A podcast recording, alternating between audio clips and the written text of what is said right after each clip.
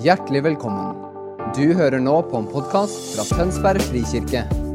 Talen er tatt opp på vår gudstjeneste søndag på Brygga i Tønsberg.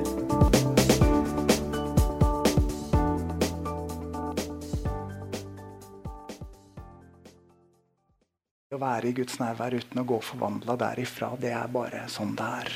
Når himmelens substans møter vår substans, så, smitter det over. Vi skal snakke om Guds rike denne søndagen. Eh, vi skal snakke om det med den samme overskriften som vi har holdt oss til hele denne begynnelsen på 23. Vi tror på Gud, vår Far, som tilgir oss. Og hjertetilgivelse nevnte Sven Kjetil.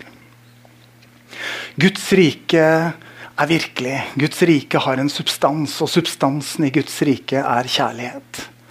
Og Hvis substansen i Guds rike er kjærlighet, så er valutaen nåde. Og hvis valutaen er nåde, så er tegn, under og mirakler småmyntene. Mens den store seddelen er tilgivelse. Og det er det vi skal snakke om i dag. For det er den store hovedveien som virkelig slår opp hoveddørene og baner vei for nåden og for rikets virkelighet på en helt fantastisk måte. Um, noen ganger når vi ser på Dagsrevyen, så sier de at nå advarer vi mot sterke scener. Har du hørt meg? Ja. Jeg har, har litt sånn behov for å si det i dag på vei inn i prekenen. Fordi vi både skal gjøre noe litt annerledes, og jeg skal dele med dere en fortelling jeg tror kommer til å ta tak. Og jeg tror at Den hellige ånd kommer til å ta tak i deres liv. Og vi ønsker det sånn i Tønsberg frikirke. Det er derfor vi har samtalesentre. Det er derfor vi har forbund etter møtene. Fordi vi vil at Gud ved sin ånd og ved sitt ord skal ta tak i livene våre og begynne å gå med oss. Men da er det godt at vi har hverandre. Sondre formidla det så flott forrige søndag. De av dere som ikke hørte talen forrige søndag, gå inn på podkasten. Dere har noe godt i vente. Men han malte ut dette perspektivet om at det aller meste i denne boka er veiledning til oss som fellesskap. Når vi leser det som individer og som individuell veiledning, bommer vi ofte. Så også i dag. Det jeg skal formidle, formidles aller mest og best til oss som fellesskap. Men dernest får det også landingsplass i den enkelte av oss. Da tror jeg vi skal høre dagens ord. Dere kan slå opp i Matteus 18, og jeg har fått Sven Kjetil til å lese det for oss. Matteus 18, fra vers 18. Sannelig, jeg sier dere, alt dere binder på jorden, skal være bundet i himmelen. Og alt dere løser på jorden, skal være løst i himmelen. Også dette sier jeg dere. Dersom to av dere her på jorden blir enige om å be om noe, hva enn det er, skal de få det av min far i himmelen. For hvor to eller tre er samlet i mitt navn, der er jeg midt iblant dem. Da gikk Peter til han og spurte, «Eh, Herre, hvor mange ganger kan min bror synde mot meg, og jeg likevel tilgi han? Så mange ganger som sju?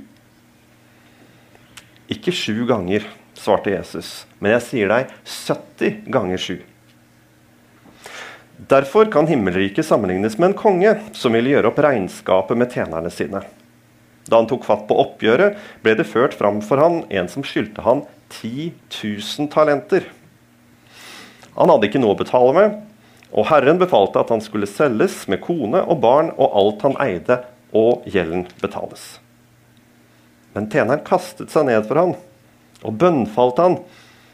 Vær tålmodig med meg, så skal jeg betale deg alt sammen. Da fikk Herren inderlig medfølelse med han, med denne tjeneren, og slapp han fri og etterga han gjelden. Utenfor møtte tjeneren en av de andre tjenerne, en som skyldte han eh, en som skyldte han 100 eh, denarer. Han grep fatt i han og sa 'betal det du skylder'.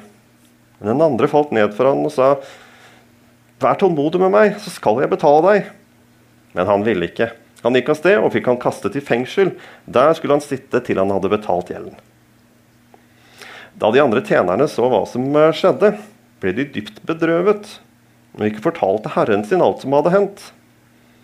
Da kalte Herren ham til seg igjen og sa, Du onde tjener, hele gjelden etterga jeg deg fordi du ba meg om det. Burde ikke også du ha vist barmhjertighet mot din medtjener, slik jeg viste barmhjertighet mot deg? Herren ble sint og overlot tjeneren til å bli mishandlet av fangevoktere til han hadde betalt hele gjelden. Slik skal også min himmelske Far gjøre med hver og en av dere som ikke av hjertet tilgir sin bror. Slik lyder Herrens ord.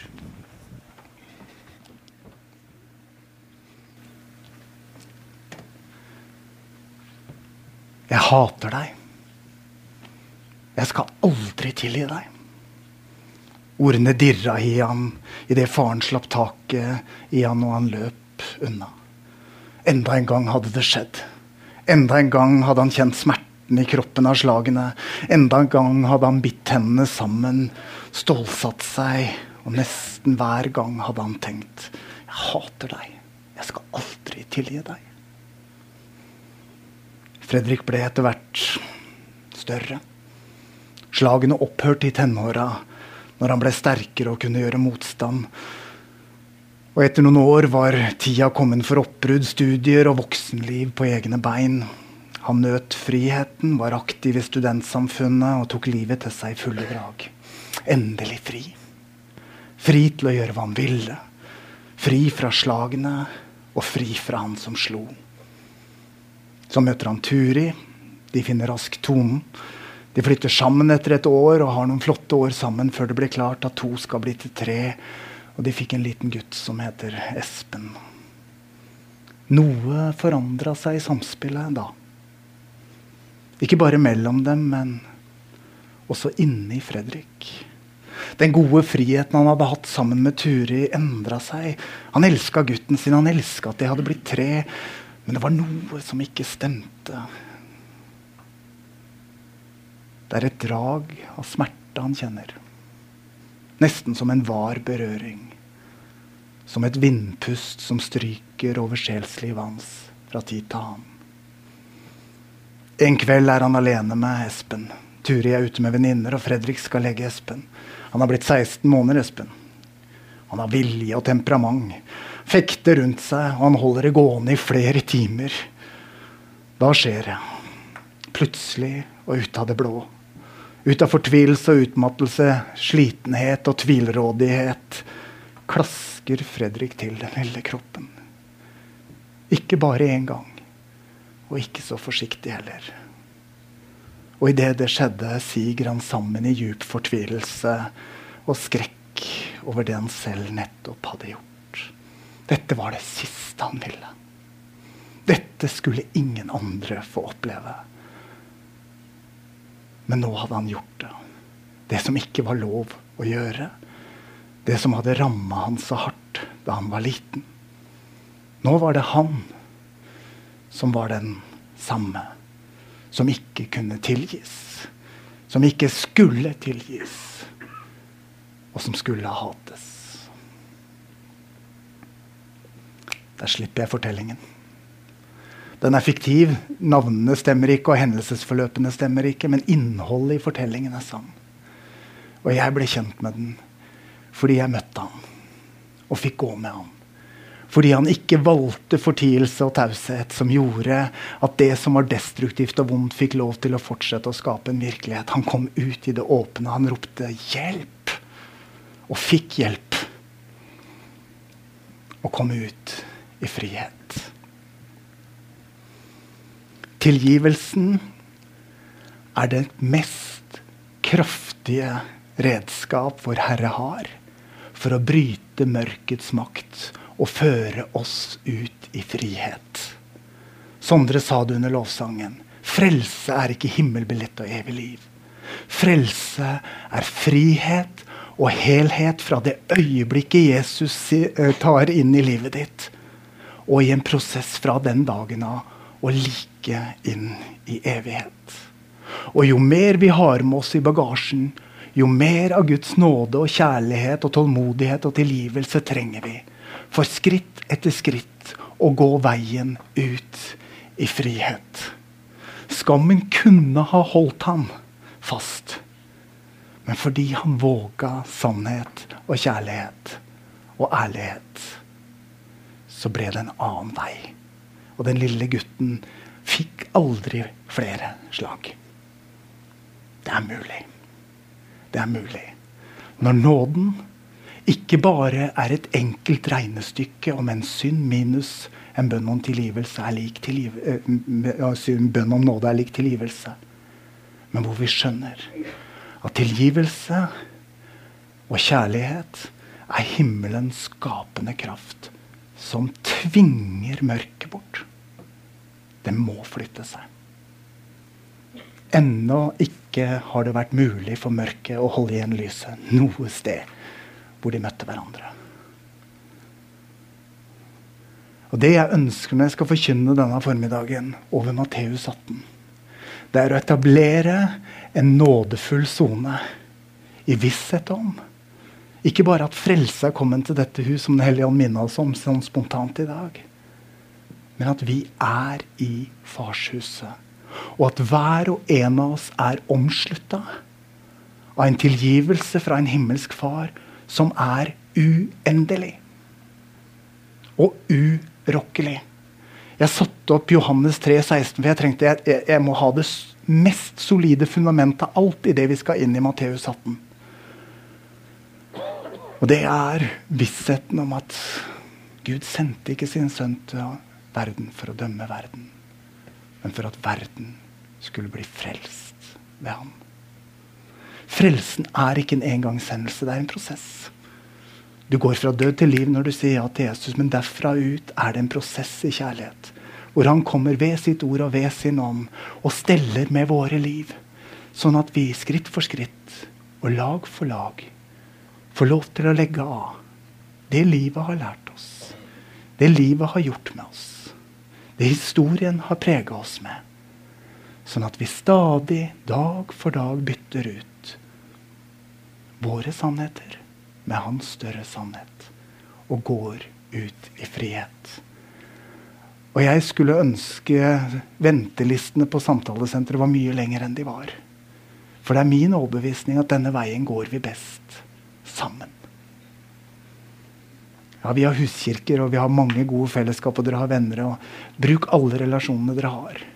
Men denne veien går vi sammen. For erfaringen er at det er ofte vanskeligere for oss å tilgi oss selv enn å tilgi andre. Noen ganger er det vanskelig å tilgi andre også. Men det er iallfall vanskelig å tilgi oss selv. Og erfaringen vår fra mange farshjerteskoler Olav Slåtten var her for 14 dager siden og underviste. Han forteller at når vi kommer til Matteus 18 Hvis folk ikke har fått en erfaring av å ta imot Guds farskjærlighet før, så kommer det i det øyeblikket de får hjelp til å begynne å gå tilgivelsens vei.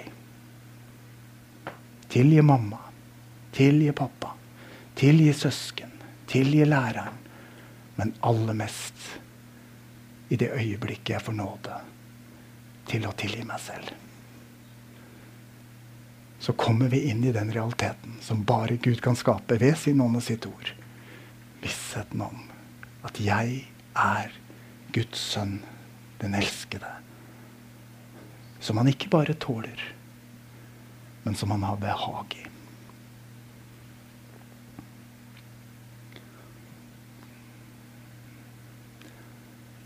Jeg tror vi må be en bønn før jeg går videre. Mm. Hellige Ånd, vil du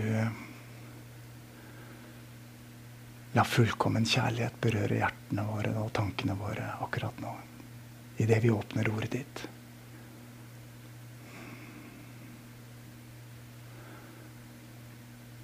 Rotfest og grunnfest oss i deg. La din kjærlighet smelte frosne hjerter. Trygg oss, Herre, så vi kan våge sannheten om oss selv i ditt nådefulle lys så din kjærlighet kan sette oss fri. Amen. Vi må rydde litt i Matteus 18. Har dere boka oppe? Konteksten her For det er veldig lett å lese denne teksten som på en måte et bilde av pappa Gud. Da bommer vi. Det, da ender vi på feil plasser. Denne teksten er en lignelse. En lignelse skal ikke leses med symbolikken ut av alle detaljer og alle ledd. En lignelse har ett hovedpoeng som den vil formidle, og alle de andre tingene i fortellingen er med på å styrke det ene hovedpoenget. Hvis du og jeg tolker en detalj i en lignelse, så kan vi ende med en veldig ubibelsk teologi. For eksempel, bare for å ta et lite sånn Hvis vi da går inn i um, vers 30. Men han ville ikke. Han gikk av sted og fikk kastet ham i fengsel. Nei, unnskyld, ikke der. Uh, og herren, uh, 34. Og Herren ble sint og overlot tjeneren til å bli mishandlet av fangevokterne sine til han hadde betalt hele gjelden. Hvis vi leser det som en applikasjon på Gud, dere, da får vi et krevende gudsbilde. Er dere med? Hele denne fortellingen Det fins ikke noe belegg for at vår Herre overgir oss til motstanderen. Snarere tvert om er denne boka et sammenhengende vitnesbyrd om at han sendte Jesus på korset for å bære all verdens synd og for å sette oss fri. Er dere med? Derfor kan vi ikke lese det sånn. Men det betyr noe. Det skal jeg komme tilbake til. Det betyr noe. Men det betyr ikke det. Hvis vi leser dette her som en litt sånn lunefull far, og vi plutselig nå har fått et evangelium med en fotnute Du er en tilgitt synder, og nåden gjelder for alt, bortsett fra hvis du strever med tilgivelse. For sånn går det an å lese den teksten. Da har vi ikke lest det nådebudskapet som kommer her. Det er ikke det som er Jesus sitt poeng i denne teksten. Hans poeng er at han starter med en dialog med Peter og med det eh, disippelfellesskapet om hvor mye skal tilgivelsen få gjelde. Hvor mange ganger skal vi tilgi? Og Jeg er sikker på at Peter tenker han er superraus når han foreslår sju ganger, for, for loven eh, anga tre ganger som en raus tilnærming til tilgivelse. Så sju da var liksom fullkommenhetstallet. Jeg er sikker på at tenk, Peter tenkte nå får jeg fisk i garn. Og så svarer altså Jesus nei, ikke sju ganger, men 70 ganger sju, sier denne teksten. Noen oversettelser 70 og 7. Og da kommer vi enten til 490 eller 77. Men uansett så er ikke dette eksakte tall. Så det er ikke sånn at når du huker av for den 77. Eh, gangen eller 490. gangen, så kan du slutte å tilgi. Tallet er symbolikk. Og tallet peker mot uendelighet, enten fordi det er sju-tallet som er fullkommenhetstallet, sju ganger sju eller sju pluss sju. Uansett.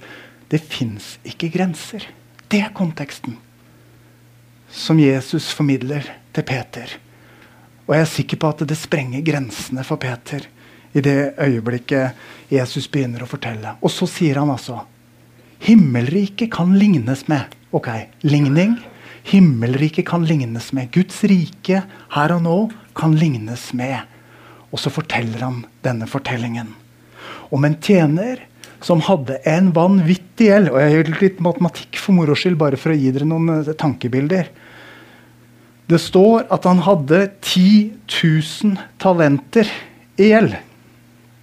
Er det noen som eh, vil prøve seg på en sum?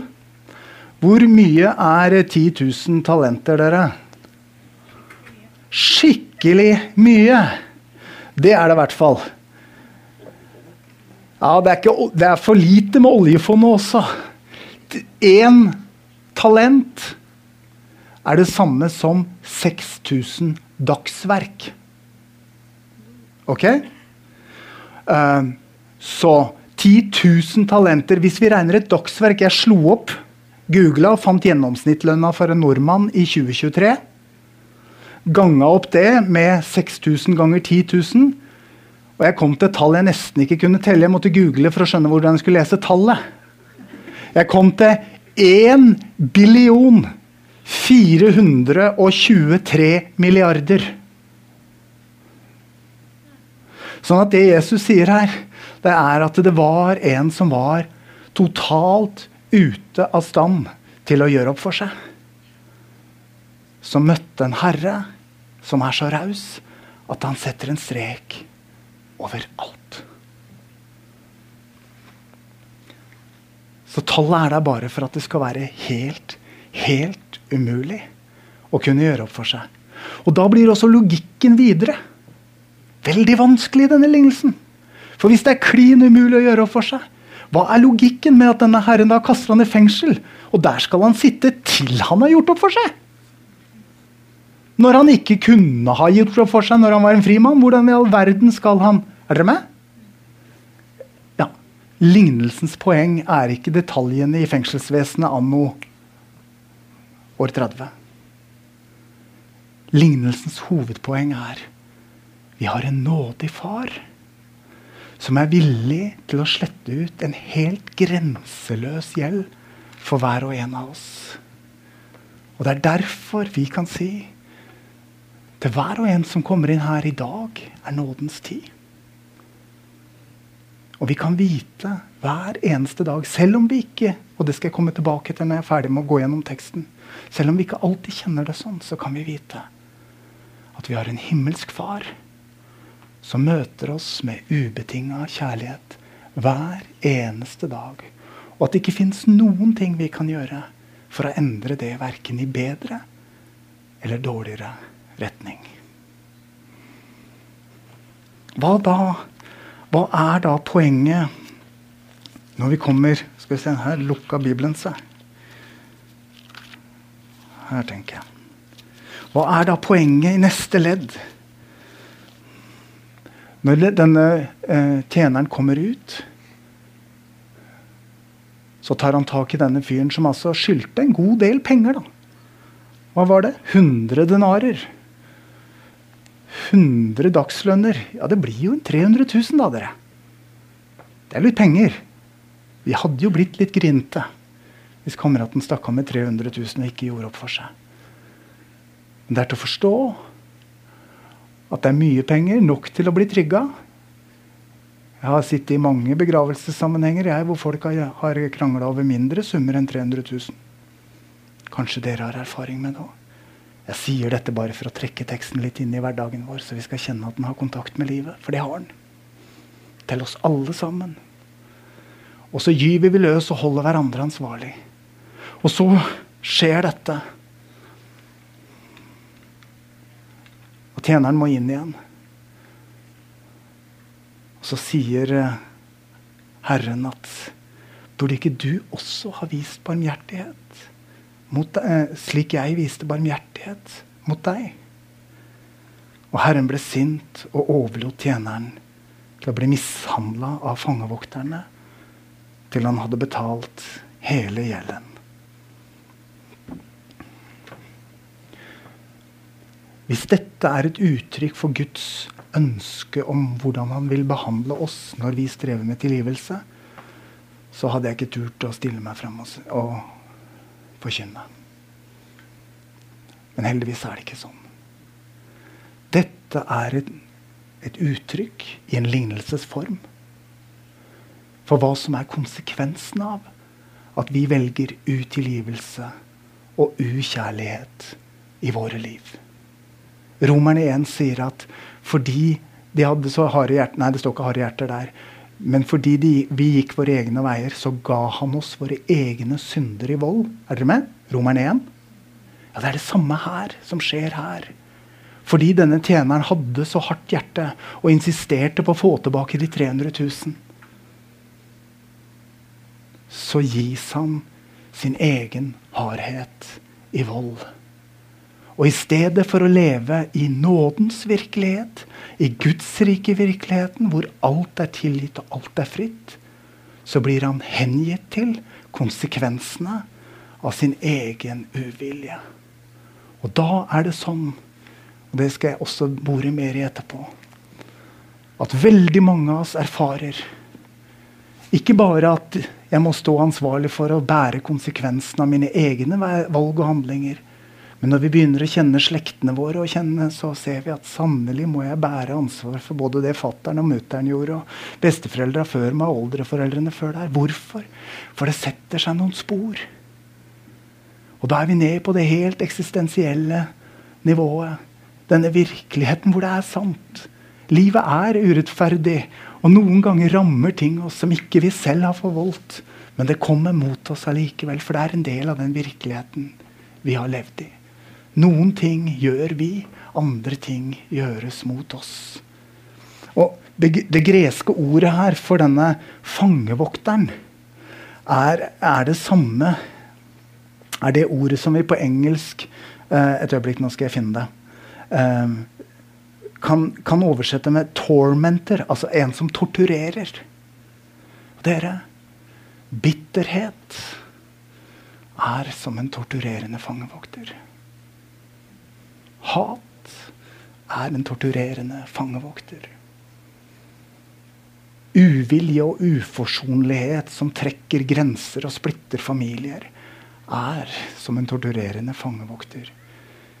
Vi trenger ikke se eh, engler og demoner for å skjønne at dette er et bilde som virkelig griper inn i hverdagen, og som forteller noe som er sant. Og det som, som Jesus oppsummerer her med, det er at slik skal også min himmelske Far gjøre med hver og en av dere som ikke av hjertet tilgir sin bror. Poenget er dere, vi kan velge hvilket nivå vi lever på. Vi kan leve på det menneskelige nivået. Hvor rett skal være rett. Øye for øye, tann for tann. Eller så kan vi gå opp på nådens nivå og ta imot at 10 000 denarer slettes ut for deg og meg. Men vi kan ikke stå her og ta imot det, og samtidig fra tid til annen rusle ned her og be om 300 000 tilbake. Vi kan ikke leve livet på to level, alle dere som gamer. Vi må holde oss på ett. Du må velge hvilket level du skal spille på. Vil du spille der, eller vil du spille her? Og greia er at hvis du spiller her, og så velger utilgivelse og holder fast, så rykker du ned en level. Og alle som gamer, syns det er kjipt. Tilbake til forrige brett. Men når vi snakker om livet våre, så er det mye mer enn en gaming session. Her nede må vi bære konsekvensene og ta ansvaret. Her oppe får vi frihet fra skylda. Nåde og helbredelse som heler såra, og muligheten til å gå videre. Men vi kan ikke skifte mellom bretta. Det er det lignelsen prøver å male ut for oss. Det er ikke skiftende skygger i pappa Gud. Så langt som øst er fra vest, har han tatt våre synder fra oss. Men vi må velge hvilket nivå vi legger på med våre liv. Om vi blir på nådens nivå eller på det naturlige nivå. Og jeg er overbevist om at det er en sorg i himmelen over hvor ofte vi, som er hans folk, som var ment å være kanalen for hans nåde og tilgivelse ute i verden, ender opp på det nivået. For vi gjør det stadig vekk i våre menighetsfamilier, i våre kjernefamilier og i våre personlige relasjoner. Og er det noe vi trenger nåde for, så er det det å løpe tilbake. Og når jeg sier alt dette, så det, har jeg lært at det alltid er viktig å sette en parentes og si hvis du har opplevd grove krenkelser, så kan kravet om å tilgi være en ny krenkelse. Det ønsker ikke jeg å gjøre på livet ditt. Enten du sitter her inne eller følger oss på TV, og at det er din virkelighet. Og hvis du har vært utsatt for grove krenkelser, så er det en vei å gå hvor du trenger omsorg og hjelp til å ta fatt i ditt eget liv på nytt. Men langs den veien er det uansett hva vi har opplevd i livet, frihet i det øyeblikket vi klarer å velge tilgivelse. Tilgivelse er ikke aksept for det gale som skjedde. Tilgivelse er bare dette. Å frasi seg retten til å anklage. Det er ikke å godkjenne det som var feil, men det er å frasi seg retten til å anklage. Og i det øyeblikket vi gjør det, så trer vi opp igjen på dette nivået. Nådenivået. Hvor vi er i den virkeligheten hvor Jesus møter oss med ny, nytt liv, nytt håp, ny kraft. Og setter oss i stand til å gå på en bedre vei enn vi gjorde uten ham. Og mens jeg snakker nå, så tror jeg det er mange av dere som får opp tanker om relasjoner og konstellasjoner i deres egne familier og i deres egen historie. Som dere skjønner at dette angår. Og når dere får opp det, så vit at det er invitasjonen fra himmelen til hver og en av oss. Til å begynne å gå Jesusveien. Nådeveien. Hvor vi velger ydmykhet. Hvor vi velger kjærlighet. Hvor vi velger tilgivelse. Så Guds rike igjen begynner å spre seg utover. For det er ingen som kan stoppe Guds rike. Kjærligheten knuser hatet. Lyset vinner over mørket. Men der vi har falt ned på første level, og uvilje til tilgivelse rammer oss, så er det valutaen i Guds rike, tusenkronersseddelen i Guds rike, som ikke lenger er i hånda vår. Da må vi tilbake. Hvor vi kan få den viktigste valutaen i Guds rike i henda, og så begynne å bruke den raust. For tilgangen på de tusenlappene er ubegrensa. Og vi kan bruke de hvor du vil. Og har du brukt nådetusenlappen ofte, så vil det sannsynligvis begynne å renne mye nåde og tilgivelse fra livet ditt.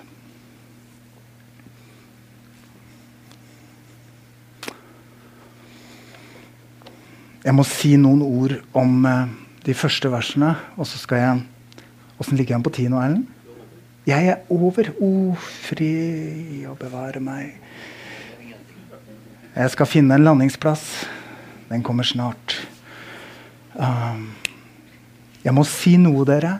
For konteksten her og grunnen til at jeg tok med meg Matteus eh, fra vers 18, er dette med nøkkelmakten.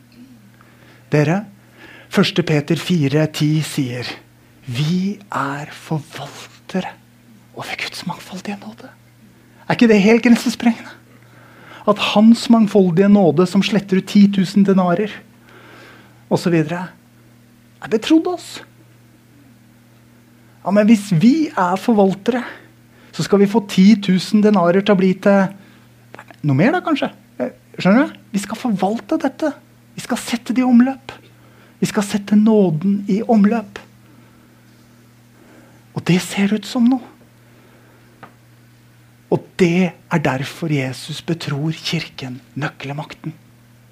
Det dere løser på jorda, skal være løst i himmelen. Og det dere binder på jorda, skal være bundet i himmelen. Det er bare det, dere. Noen ganger tar vi noen prinsipper ut av Guds ord og setter det inn i menneskelige settinger, og så virker de mot sin hensikt. Nåde, nådestrømmen er aldri løst fra Guds vesen og Guds nærvær ved Hans ord og ved Hans ånd. Noen ganger har vi forkvakla denne nøkkelmakten. Så vi har bundet mennesker og åpna for demonene til å herje vilt mellom oss. Det må vi omvende oss fra. Hver gang vi bruker nøkkelmakten til å binde et annet menneske, så begår vi grov synd. Og vi vet som kristne at vi fra tid til annen har felt dom over enten grupper eller enkeltmennesker med, mener vi, legitim eh, forankring i Guds ord. Det er ikke lov. Nøkkelmakten er en makt til å sette fri. Til å sette fri. Og du kan bruke den så mye du vil. Det er tusenlappene. I din egen familie i vår egen menighetsfamilie, på arbeidsplassen og utover. Du kan bruke den så mye du vil. Og bruk den. Det er nåde for deg. Jeg tilgir deg. Jeg setter deg fri. Du er løst i Jesu navn. Fri, nøkkelmakten til å løse opp og til å frigjøre, den er gitt til hver og en av oss. Alle kan bruke den. Jeg tilsier deg dine synders nådige forlatelse i Faderens og Sønnens og Den hellige ånds navn. Ja, men Kan du si det? Ja, jeg kan det. Jeg er født på ny. Jeg er i Kristus, og Kristus er i meg. Og jeg har fått himmelens mandat til å sette mennesker i frihet. Og så har jeg fått et bindingsmandat også. Men det skal ikke brukes på synderen. Det skal brukes på synden. Og det der må vi ikke tulle med! For da forløser vi død istedenfor liv. Bror, du er Guds elska sønn. Det som fins i livet ditt nå, er langt utafor det som er Guds gode vilje med deg. Jeg er for deg, himmelen er for deg, men det der må vi deale med. Er du med? Jeg binder det begjæret eller den utroskapen eller den økonomiske misligholdet eller Jeg løser deg, bror. Jeg løser deg, søster, i Jesu navn. Er dere med? Da bruker vi valutaen i Guds rike som løser opp og setter folk fri. Ja Nå skulle jeg lande sjelesørgerisk og godt. Og bruke de siste minuttene som jeg ikke har lenger, til det.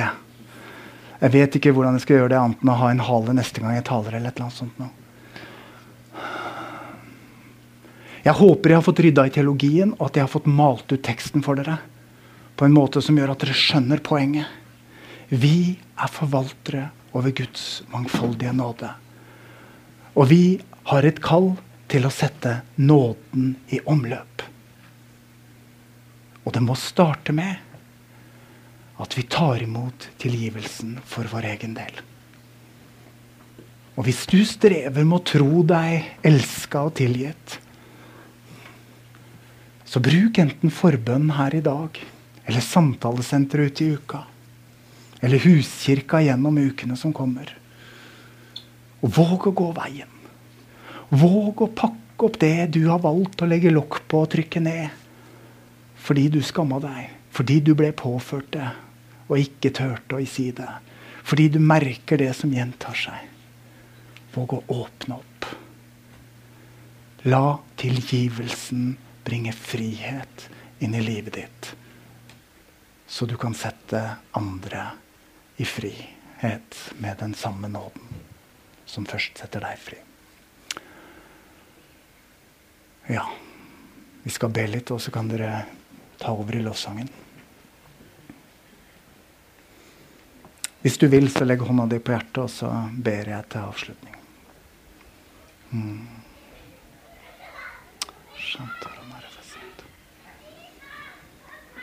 Kom, gode Hellige Ånd, med ditt skapende nærvær.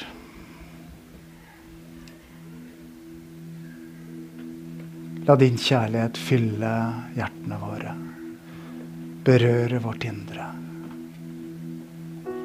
prege tankene våre.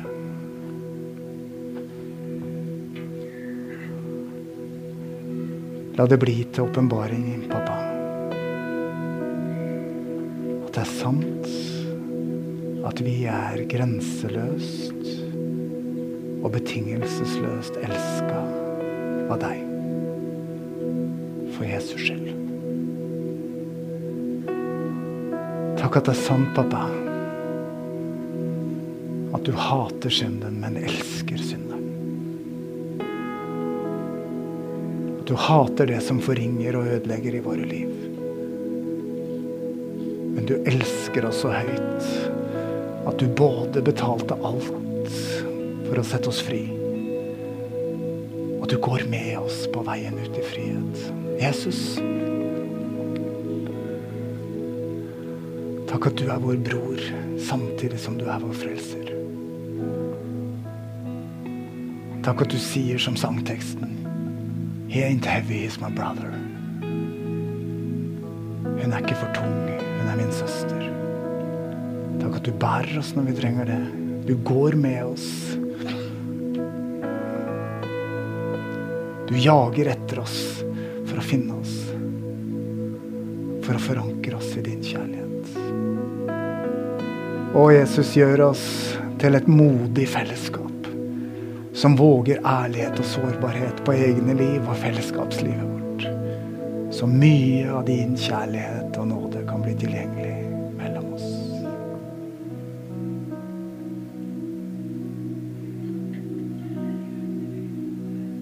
Herre, nå ber jeg særskilt for de iblant oss som sitter og verker fordi de har båret på en hemmelighet i så mange år. Noe de tenkte ikke var mulig å få tilgivelse for. Noe som alltid har vært en verkebyll. Jeg ber, Herre, om at du lar fullkommen kjærlighet smelte og knuse den byllen.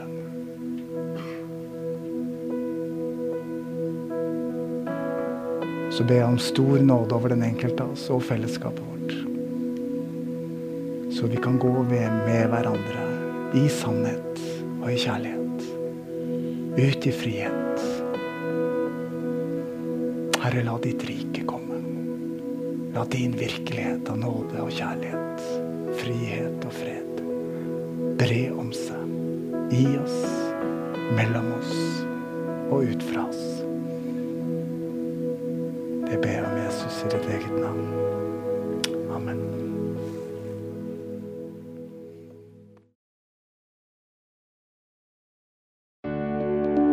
Takk for at du hørte på vår podkast. Har du spørsmål eller ønsker du å vite mer? Søk oss på vår nettside tonsbergfrikirke.no. Du er også velkommen til kirke på Brygga i Tønsberg.